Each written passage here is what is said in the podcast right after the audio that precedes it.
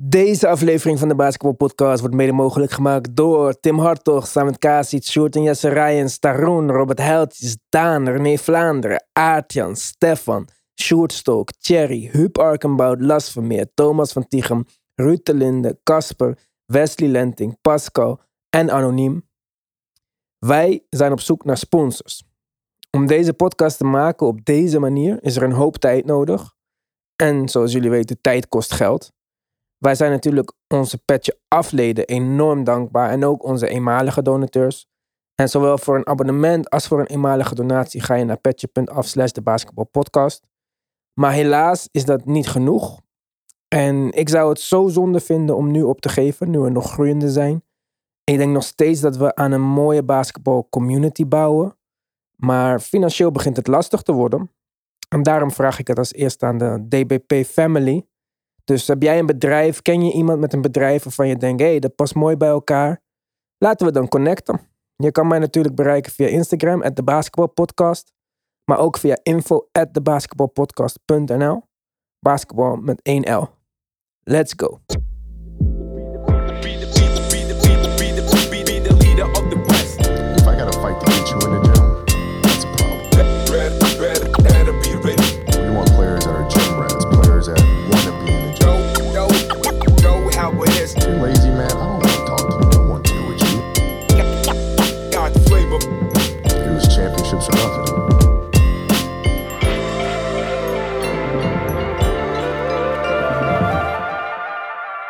We beginnen met de Lakers. Die hebben een slechte week achter de rug. Ze kregen van Phoenix 79 punten om hun oren in de eerste helft. En in de wedstrijd tegen de Raptors ontplofte LeBron tegen zijn eigen teamgenoten nadat niemand voor de rebound ging. Russell Westbrook schiet 9% van 3 sinds de All-Star break.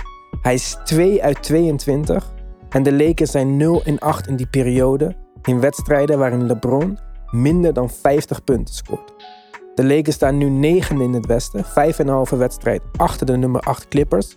En Carmelo Anthony zou er zelfs aan denken om de Lakers te verlaten als ze geen titelcontender zijn. Hij zou dan geïnteresseerd zijn in een reunie met de Nuggets. De ploeg uit Denver doet het zelfs zonder hun tweede en derde beste spelers.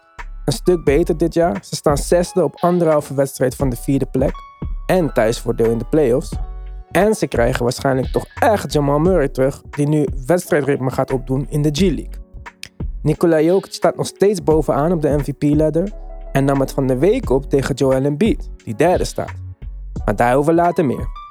De race voor Defensive Player of the Year is ook nog wagenwijd open. Daar gaan we het onder andere over hebben op Petje Af. Draymond zei wel deze week dat hij vindt dat hij de Defensive Player of the Year moet zijn, omdat er in zijn 32 wedstrijden afwezigheid niemand is opgestaan om die prijs echt te claimen. Nou goed, je kunt horen hoe wij daarover denken op petje.af slash de basketbalpodcast.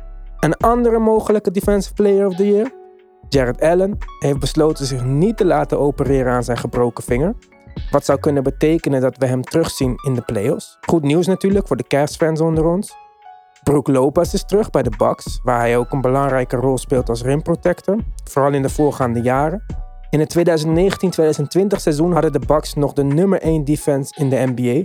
Maar met de blessurepech van de afgelopen jaren zijn ze iets gedaald. Toch staan ze nog steeds vijfde in defensive rating. Dan Carl Anthony Towns, die moet het meer hebben van zijn aanvallende productie. Maar hij scoorde deze week maar liefst 60 punten in de wedstrijd. Daarmee werd hij ook pas de vierde speler na Wilt, Shaq en George Mikan met een 60 punten, 15 rebound game. Towns is eligible voor een extension van de zomer, maar de hoogte daarvan hangt af van een wel of niet All-NBA-selectie. Jokic en Embiid zijn duidelijk de twee beste centers in de NBA en Towns heeft 0% van zijn tijd dit jaar op de power forward positie gespeeld. Maar nu kan het zo zijn dat Embiid en Jokic allebei het eerste team halen en dat hij dan de center wordt van het tweede team bijvoorbeeld. Er staan in ieder geval heel wat miljoenen op het spel voor Cat en dan gaan we naar New York, waar Towns zijn oude coach Tom Thibodeau de scepter zwaait. De Knicks beleven een teleurstellend seizoen. Ze staan op een kansloze twaalfde plek. Vijf en een halve wedstrijd buiten het play-in toernooi. Vele Knicks-fans worden gek van Thibodeau's veteranenrotaties en weinige aandacht voor de ontwikkeling van jonge spelers. Toch ziet het front office het wel zitten met tips. Zij zien hem volgend jaar ook weer graag terug langs de lijn. Nou, bij hun stadsgenoot in Brooklyn doet de coach het een stukje beter. Ook al maakte Steve Nash deze week toch wel een foutje. Door alle ingewikkelde coronaregels in New York kan Kyrie niet thuis spelen, maar mag hij wel aanwezig zijn. Hij mag echter niet in de kleedkamer komen. En dat wist Nash niet. Dat leverde de Nets een boete van 50.000 dollar op voor het overtreden van het Health and Safety protocol. En als laatste een interessant feitje over de Heat. De NBA is natuurlijk een star-driven league, maar van Miami's 15-man rooster zijn maar liefst 8 spelers ongedraft. Geen één van hun main spelers dit jaar werd in de top 10 gedraft. En hun hoogste speler is Tyler Hero. Hij was de 13e pick in 2019. Ze hebben nog geen één wedstrijd gespeeld dit jaar, zonder dat er tenminste één speler op een normaal contract om medische reden niet beschikbaar was. Toch staan ze eerst in het oosten. Een knap staaltje teambuilding van Pat Riley, als je het mij vraagt.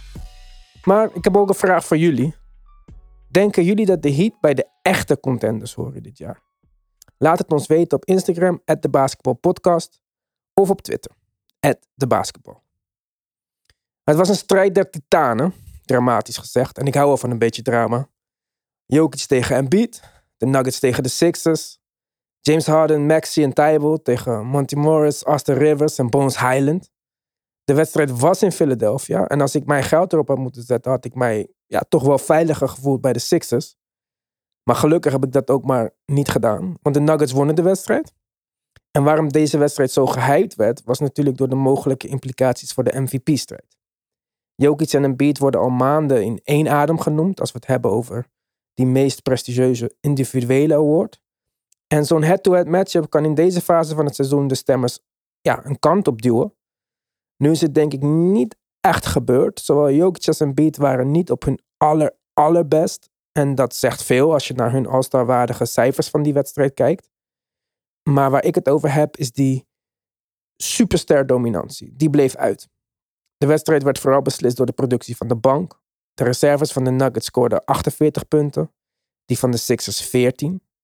De Marcus Cousins was productief, maar vooral Bones Highland, de 26e pack uit het RAF van vorig jaar, maakte indruk. Hij had 21 punten met vier belangrijke en vooral verre driepunters.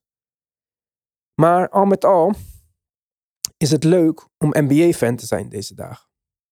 Behalve Embiid en Jokic die head-to-head gingen, Bones Highland die los ging, Cat die 60 punten had, Steph met 47, hadden we Trey met 46 punten, Jannis versloeg de Jazz, Draymond is terug, Mobley had 30 punten.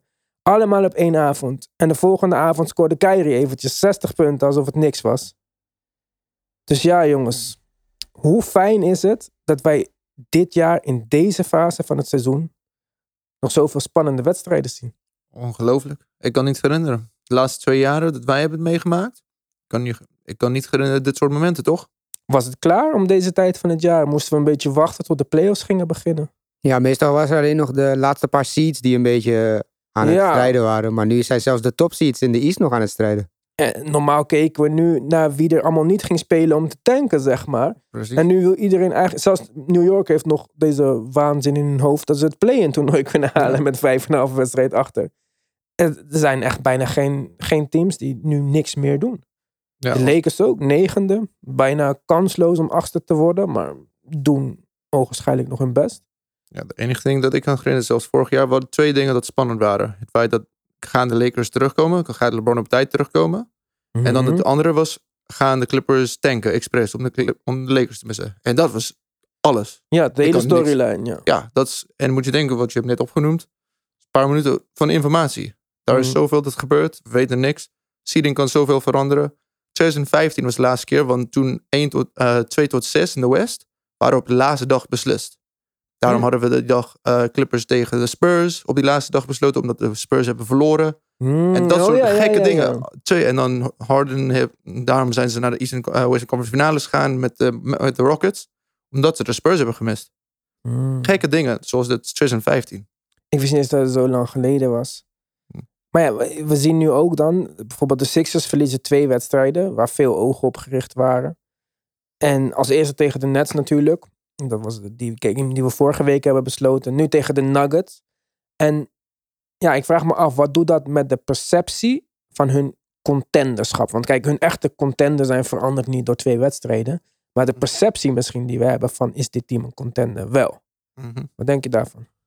Ja, ik denk de perceptie is inderdaad vooral dat ze niet zo heel goed zijn wanneer het echt spannend is in het vierde kwart. Mhm. En dat is natuurlijk, dit was dan, oké, de Nets, als ze healthy zijn, zien we waarschijnlijk wel als een serieuze contender. Denver, moeten we nog even kijken natuurlijk of de twee sterren terugkomen of ze het echt ver kunnen schoppen. Maar er zijn nog betere teams op dit moment in de East, waar Philadelphia tegen op moet nemen, Ja, die nog beter zijn in het vierde kwart ja. dan de teams waar ze tegen hebben gespeeld. ja, want Dus deze, zij, ja, ja, deze twee teams, Nuggets en de Nets, missen allebei All-Stars. Mhm. En ja, wat je zei, Miami, de Bucks, om maar even twee teams te noemen in het oosten. Dan moet je nog maar gewoon ook langs kunnen komen. En ja, ik, ik vraag me het een beetje af. Kijk, ik ben niet super high op James Harden. Ik heb nog wel een leuk Mhm. lijstje met statistieken voor ons petje af zometeen. Maar Ja. ik wou niet de mensen thuis weer irriteren met de Harden dingen. Maar het is niet per se dat, denk ik eens. Als je kijkt naar deze wedstrijd, 14 punten van de bank. Mhm. Om maar niet te spreken van de productie van Tijbel. Die er toch ja, altijd in gaat staan. Zo lijkt het nu. Ja. Eh, Tobias Harris kan gerust een wedstrijd 20 punten hebben. Maar dat is niet vaste prik. En ja, wie van de bank moet het doen dan? Kijk, bij de Nuggets is het ook niet zo dat elke wedstrijd Bones Highland dit doet of zo. Maar met Boogie hebben ze toch mooie dingen toegevoegd. Mhm. En ik denk dat dit wel een beetje een probleem kan worden voor de Sixers. Kijk, Embiid deed het in principe goed, hè, deze, deze wedstrijd. Ja. Hij was vrij sterk tegen, tegen Jokic. Ik heb ook even die cijfers hier. Als je kijkt wat hij deed, Embiid tegen Jokic, verdedigd door Jokic. ehm, was 23 punten, 9 uit 15, 3 uit 3 van 3. Een paar luie eh close-outs van Jokic, als je het mij vraagt. Was het niet de beste wedstrijd om mijn punten van dit jaar te bevestigen, zeg maar. Want Jokic was gewoon veel beter dit jaar, defensively. En hij was nu in sommige momenten gewoon een beetje lui. Mhm. En omgekeerd, Embiid tegen Jokic als verdediger, waarvan ik zei dat Embiid dit jaar wat minder verdedigend is, had Jokic maar 7 punten, 3 uit 10 en 4 turnovers. Ja. Dus dit was niet de beste wedstrijd om de hele tendens van dit seizoen te laten zien. Want eh, als we kijken even naar het seizoen, hè, Ja. Embiid scoort meer punten. Heeft meer blocks per wedstrijd als Jokic. Maar Jokic heeft wel vier game-winning blocks dit jaar. Embiid heeft een hoge free throw en field goal percentage. Maar die van Jokic is weer hoger in clutch time. Mhm. Embiid heeft minder turnovers. Maar Jokic een hogere user rate natuurlijk. Usage rate. En dubbele assists van Embiid. Jokic heeft meer rebounds. Embiid creëert meer en efficiëntere schoten voor zichzelf. Maar Jokic leidt weer bijna alle advanced stat categorieën. Ja, deze wedstrijd is het voor mij niet laten zien hoe, hoe het ja, daadwerkelijk eh, zit. Nee. Maar het spreekt ook wel weer voor Embiid dat hij het wel, dat wel doet dan. Wel, alleen wat ik dus wel vond in deze wedstrijd ook, want dat, is- dat is wat we net ook zeiden over de Sixers. Wanneer het erop aankwam, was Embiid niet echt te bekennen op het veld. Hoe Mm. dominant hij was in de eerste helft, Ja. zag je echt bijna niks van hem in het vierde kwart. Maar dat Mm. gebeurt vaker. Hè? Ja, dat bedoel ik. En, En nu met Harden de laatste paar games ook. Dat hij gewoon een beetje verdwijnt op het einde. Het is de Harden ziekte. Ik hoop niet dat hij Embiid besmet heeft. Want dit is natuurlijk waar Harden goed in is. Ja. Eh, verdwijnen Ja. op belangrijke momenten. Hm. En Embiid, als we even terugkijken naar die playoff serie voor vorig jaar. Verdween in de serie tegen de Raptors. Geblesseerd of niet. Hij was er gewoon niet echt. En hij maakte zelfs een grote fout door die close-out Mhm. op Kawhi af te pakken van Ben Simmons. Want Ben Simmons was bij.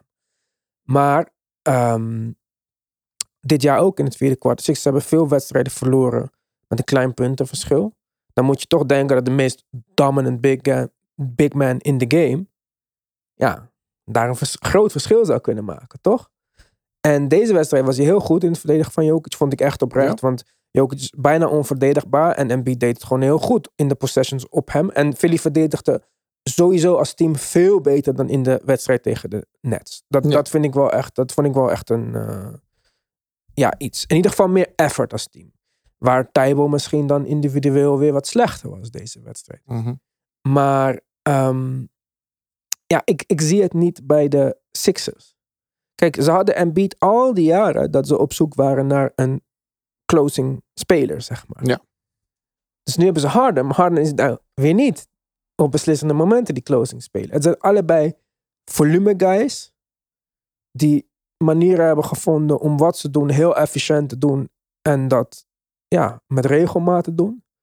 Maar ik weet niet of dit eh, gaat werken, of dit genoeg is. En ik denk dat het niet alleen de perceptie is dat ze misschien niet echt contenders contenders zijn. Maar ik denk gewoon dat de manier hoe dit rooster is gebouwd, in combinatie met de persoonlijkheden en de kwaliteiten van deze twee sterren, Mhm. dit niet een contending team maakt. Oké. Ik denk ik ben mee eens met jou over het feit dat James Harden niet perfecte partner is. Maar als we hebben het gezien met Joel Embiid, eh, met Jimmy Butler, toen dat zijn one-two punch was, dan denk ik dat Embiid de perfecte co-star is. Maar co-star, maar Embiid is Ja, maar, er- maar er is geen center die in zijn eentje kan winnen. Eh, de tegenstander van deze wedstrijd? Ja, maar ik bedoel gewoon. We, praten, we praten over de lange termijn, toch? Oké, Dat wacht. eh, Oké. Ja, Wacht. ga je gang. De Nuggets zijn plus 10,1 punten per 100 possessions met Jokic op de vloer. Mhm. Dat is twee punten meer dan de Phoenix Suns met een net rating van 8,1 per 100 possessions. Dat is het beste team in de NBA. Mhm. Als Jokic aan de kant zit, zijn de Nuggets min 10,6 punten per 100 possessions. Detroit heeft de slechtste net rating van de hele NBA met 10, min 10 punten per 100 possessions. Dus de Nuggets met Jokic zijn het meest dominante team in de NBA. En de Nuggets zonder Jokic zijn het minst dominante team in de NBA. Dat verschil, als dat niet de definitie van waarde is en één speler die het verschil maakt, dan weet ik het ook niet meer. Hm, Maar dat, is, maar prima. In een regular seizoen kan het wel. Maar we praten over. Deze team gaat alle kleine teams stompen. De 76ers maakt uit zelfs als de andere teams rennen, toch?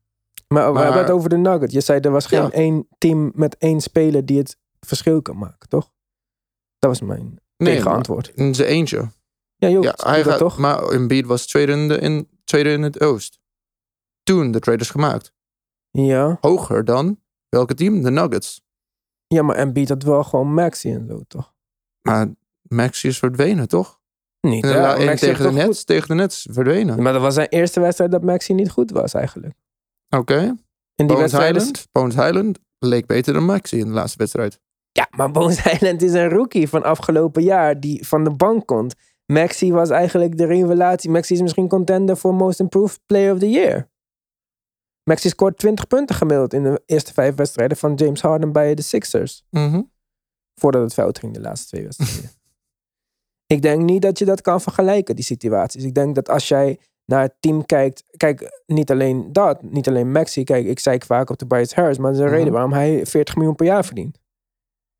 Iemand heeft hem dat gegeven, zeg Ja. maar. Nee. Dus die loopt daar aan de grond. We hebben Danny Green daar. Mhm. Dus het is niet alsof daar niemand anders is. En je kan mij niet vertellen dat dat wat de Sixers hebben gelijk is aan Will Barton, Austin Rivers. eh, nee, ik vind dat niet vergelijkbaar. Ik vind dat de beste, letterlijk de beste speler van de laatste, laten we zeggen, vier wedstrijden na Jokic, is Cousins. Die bij geen één team meer dan een tien dagen contract heeft gekregen in de afgelopen vier jaar. Letterlijk. Ik vind het wel moeilijk dat je... Kan, natuurlijk, hey, Wie is beter bij de Nuggets zeggen- dan Cousins? we moeten even praten. Na, ik denk meer mensen op de Nuggets kunnen hun, hun eigen schot maken dan hoeveel mensen zijn op de Sixers.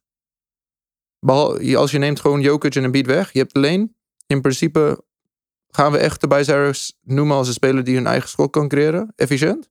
Dat is wel alles waar hij voor betaald krijgt, toch? Ja, maar Dat is juist Russell, eigenlijk het enige hij Westbrook kan. wordt ook 44 miljoen betaald. Dat betekent dat hij En niet... Russell Westbrook averaged een triple-double toen hij dat contact kreeg. En hij was MVP, toch? Mhm.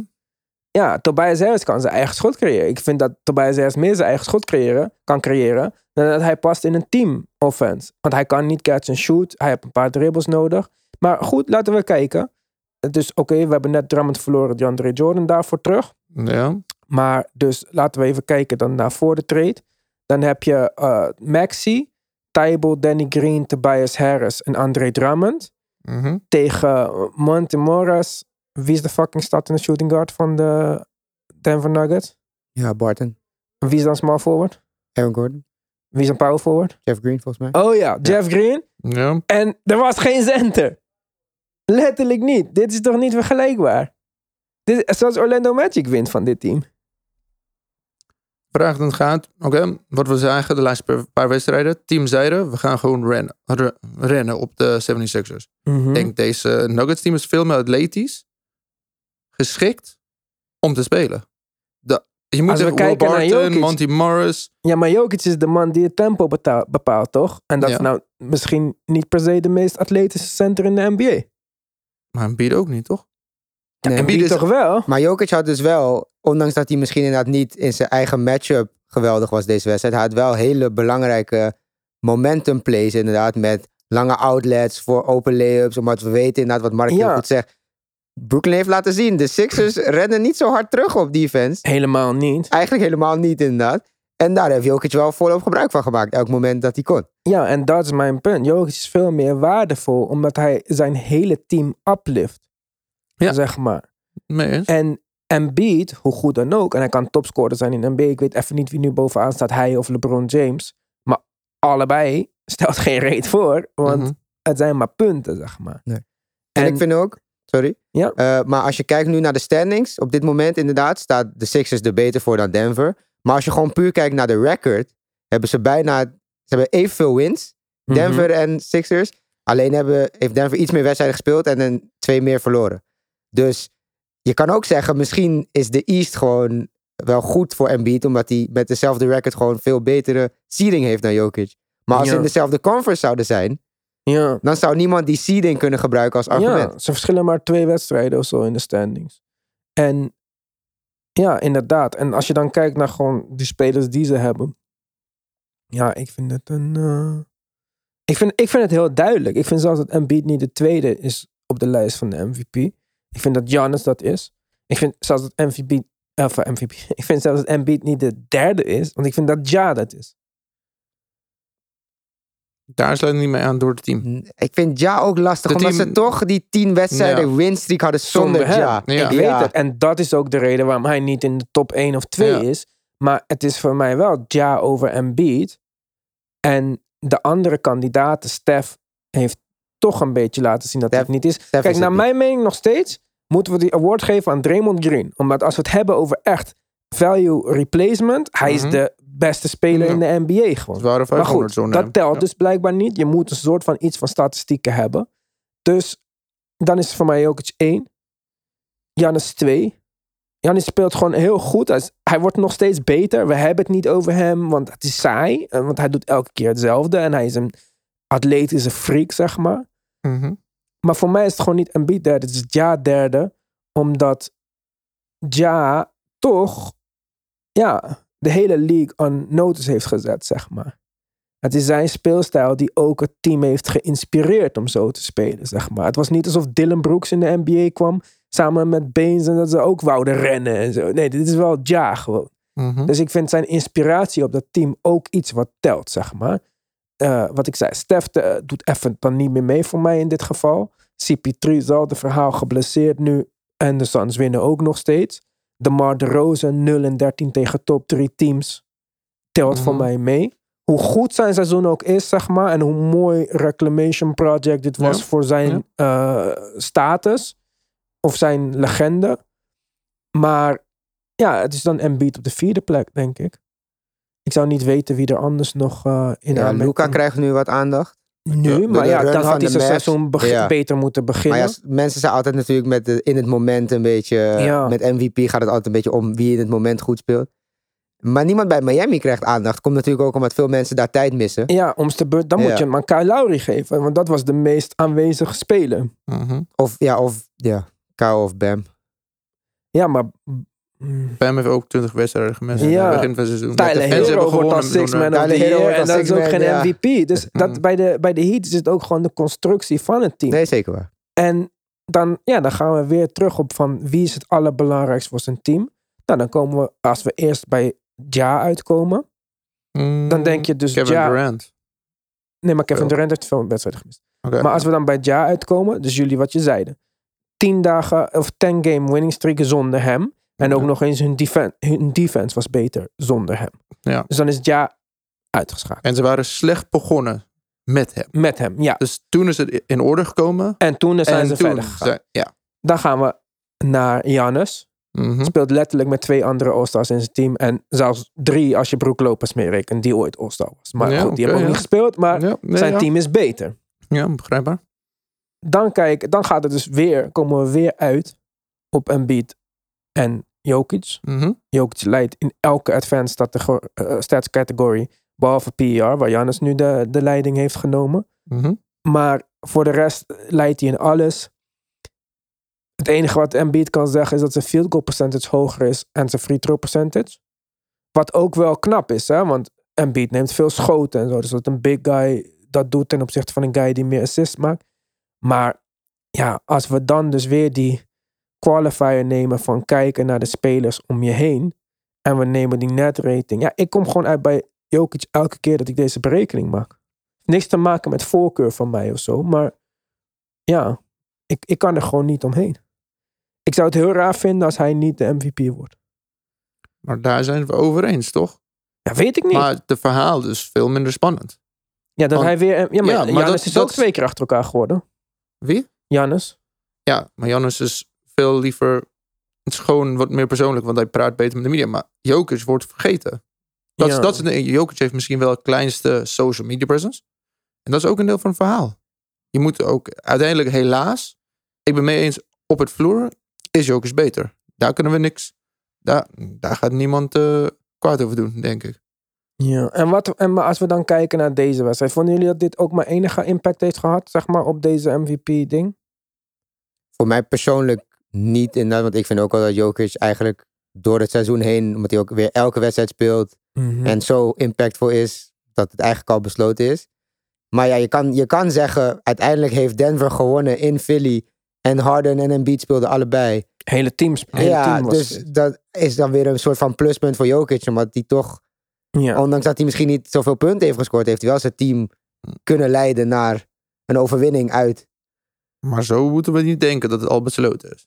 Kijk, hij is voor nu, dat moeten we wel zeggen. Hij is voor nu, maar dat het al besloten is, dat is een mentaliteit dat veel mensen hebben. Daarom gaan ze al een beat kiezen of Jokic. Mhm. Want ze denken het is al besloten, maar ze is nog 12 wedstrijden te gaan. Veel kan gebeuren. Misschien gaan ze op een 12 game losing streak. Zeg nee, dat is waar. En ik moet nog één ding, klein ding zeggen, Ivan, sorry. Maar het is dus zo dat eh, Jokic de betere field goal percentage heeft. Wel? Ja. Jokic heeft 57% Oh. en Embiid 48%. En effective field goal percentage? Daar zit Jokic op 61 nu. Ja. En Embiid zit daar op Nou. 52.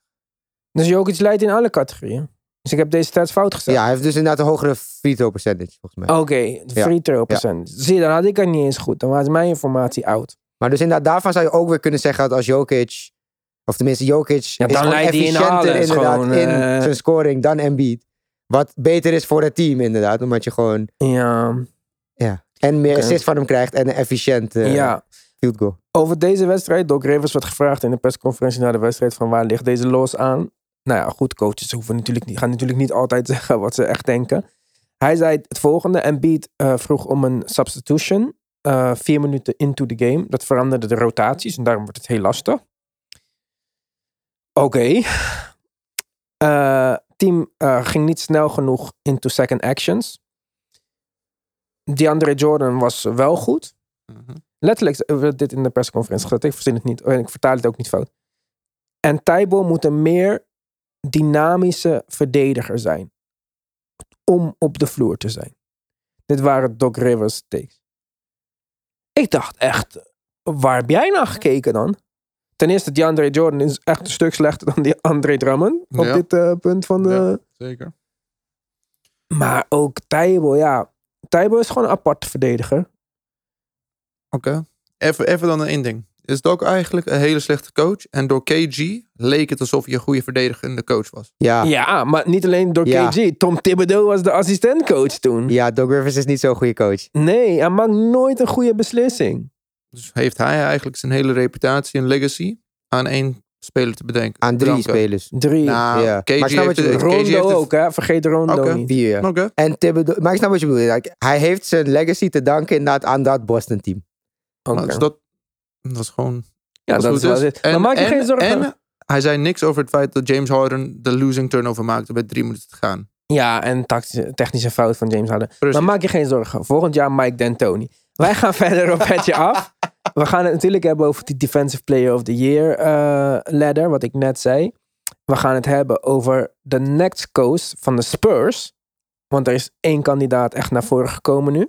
En het is dus niet Becky Hammond die we jaren hadden gewacht. Of Ettore Messina of wie dan ook. Het is een onverwachte naam misschien voor sommige mensen. Ik vond het fantastisch toen ik het las. We hebben een NBA-trainer, Dorian Lee. Die had wat uitspraken over NBA van nu ten opzichte van vroeger. Wie zijn er beter? En dat is ook wel interessant. Ik zal even een klein voorbeeldje noemen. Hij zei, als de NBA van nu zoveel beter is dan de NBA van vroeger, hoe kan het dan dat een speler als LeBron tien jaar na zijn prime de NBA leads in scoring? Hoe kan het dat een speler als Chris Paul tien jaar na zijn prime de NBA lead in assists? Kijk, daar gaan we het zo over hebben. En we hebben nog Paul Pierce die wat uitspraken had over James Harden. Dus eh, het wordt weer leuk op Petje Af. Ga naar www.debasketbalpodcast.nl en klik luisteren op Petje Af als jij ook daar wilt luisteren. En anders zien we jullie maandag weer. Of we zien nooit iemand, maar jullie horen maandag weer van ons. Dankjewel voor het luisteren en tot de volgende keer.